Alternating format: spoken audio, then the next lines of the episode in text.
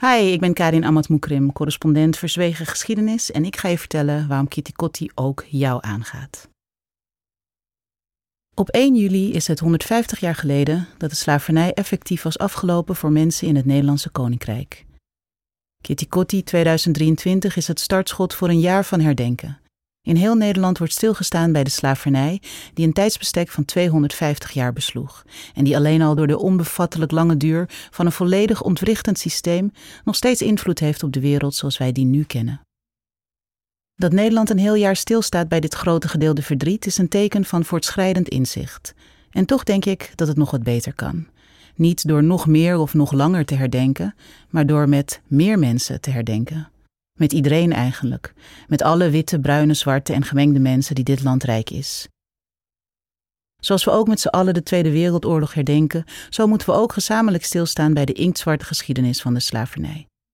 Ik merk namelijk dat er bij veel mensen een zekere terughoudendheid is om die herdenking te omarmen. Niet omdat ze onwelwillend of afkeurend staan tegenover het oprakelen van het slavernijverleden, eerder lijkt het een misplaatst gevoel van bescheidenheid. Wie erkent dat zwarte mensen de gevolgen van die geschiedenis ondervinden, vindt al snel dat de witte medemens vooral bescheidenheid past. Daar zit wel wat in, maar er schuilt ook een groot gevaar in. Het weerhoudt je namelijk van een zekere betrokkenheid. Wie zich terugtrekt, doet immers niet volledig mee. Hetzelfde geldt voor die andere houding die vaak wordt aangenomen: plichtsbesef. Het is alsof men denkt: vreselijk wat Nederland in het verleden andere mensen heeft aangedaan.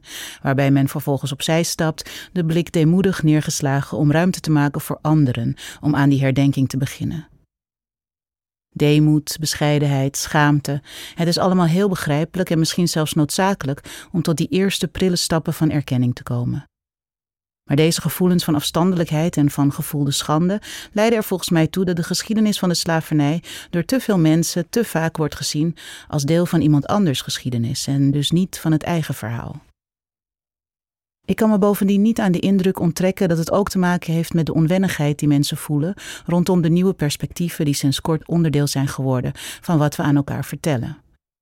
Tot voor kort keek men immers bijna volledig vanuit een eurocentrisch oogpunt naar het verleden en werden die invalshoeken nagenoeg niet betwist. Onze helden waren wit, kolonialisme was een gegeven en de Gouden Eeuw heette zo omdat ze Nederland voorspoed bracht. Schaamte had geen plek en het perspectief van de gekoloniseerde mens evenmin. Pas sinds heel kort wordt ook de andere kant van de geschiedenis belicht op een schaal die niet alleen de nakomelingen van de gekoloniseerden bereikt. Veel Nederlanders omarmen die toevoeging weliswaar, maar dat neemt niet weg dat men nog niet helemaal gewend is aan verhalen waarin de witte Europeaan niet centraal staat.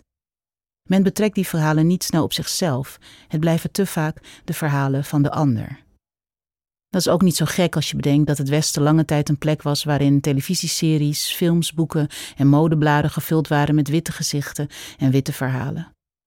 Tot voor kort waren er bijna geen films met meer dan een enkele zwarte acteur, omdat er onterecht vanuit werd gegaan dat een volledig zwart of gekleurde cast kijkers zou afschrikken. Een zwart model op de cover van een tijdschrift was niet zo lang geleden nog slecht voor de verkoopcijfers. En witte artiesten verkochten per definitie meer platen dan zwarte artiesten, zelfs als ze zwarte muziek maakten. Denk aan Elvis Presley, UB40 of zelfs Eminem. Maar andersom lijken er andere wetten te gelden. Toen ik studeerde, verslond ik elke aflevering van de serie Sex and the City. Een favoriet tijdverdrijf was om met vriendinnen te bespreken wie op welk personage leek. Wie had het meest weg van de mannenverslinder Samantha en wie was eerder een Charlotte, conservatief en een beetje preuts? Ik vereenzelvigde me met hoofdpersoon Carrie. Ze schreef en alles wat ze daarmee verdiende gaf ze uit aan te dure schoenen. Dat ben ik in een notendop. Ik leefde met haar avonturen mee zoals bijna alle vrouwen van mijn generatie. Niemand van mijn vriendinnen stond erbij stil dat iedereen in de serie wit was en dat wij in mijn vriendengroep allemaal niet wit waren. Dat was geen probleem, want, zoals vaak genoeg de aanname, een goed geschreven verhaal werkt op de verbeelding en in onze verbeelding kunnen we zijn wie we willen. Lange tijd leefden witte mensen in een wereld vol spiegels. Ze zagen voornamelijk reflecties van zichzelf. Ondertussen leefde de rest van ons al die tijd en in veel opzichten nog steeds in een wereld vol ramen. We kijken naar buiten en zien een wereld vol anderen aan ons voorbij trekken. Niet-witte mensen zijn, kortom, gewend om zich te herkennen in de menselijkheid van anderen, ook als die niet op hen lijken en een andere geschiedenis hebben. We gaan mee in de verhalen die over hen worden verteld. En omdat in die verhalen hun menselijkheid niet wordt betwist, voelen we met hen mee en lukt het om hun bestaan op het onze te betrekken. Hier schuilt een belangrijke les in. Betrokkenheid komt vaak niet vanzelf. En voor werkelijke empathie is alleen schuldbesef niet genoeg. Daarvoor is verbeelding nodig.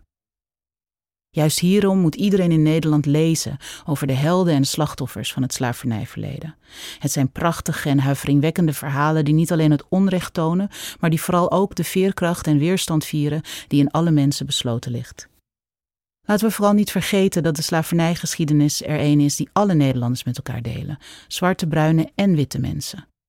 Onze voorouders hebben misschien aan verschillende kanten van het verleden gestaan, maar daartussenin stonden nog steeds dezelfde historische gebeurtenissen en verhalen die daaruit voortkwamen.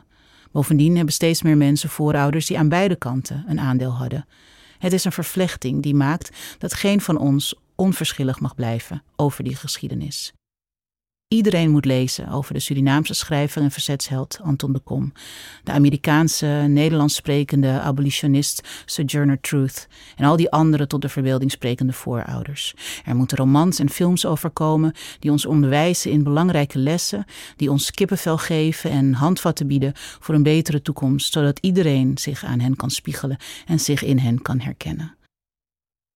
Op Kitty Kotti, 1 juli, wil ik aan iedereen die aarzelt om samen met Bruin en Zwart Nederland het slavernijverleden te herdenken, omdat hij denkt dat het niet zijn plek is, zeggen: Onze helden zijn ook jullie helden.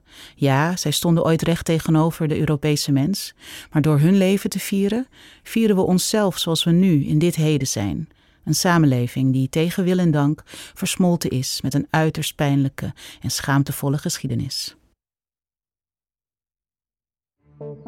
Het is de missie van de correspondent om voorbij de waan van de dag te gaan. Onze correspondenten voorzien het nieuws van context en schrijven over de grote thema's van deze tijd. De correspondent geeft me de vrijheid om mijn nieuwsgierigheid te volgen en de tijd om verhalen te schrijven. En zo probeer ik onzichtbare structuren zichtbaar te maken en een andere kijk te bieden op debatten die het nieuws domineren. Dan gaat het minder over het spelletje en veel meer over wat er op het spel staat.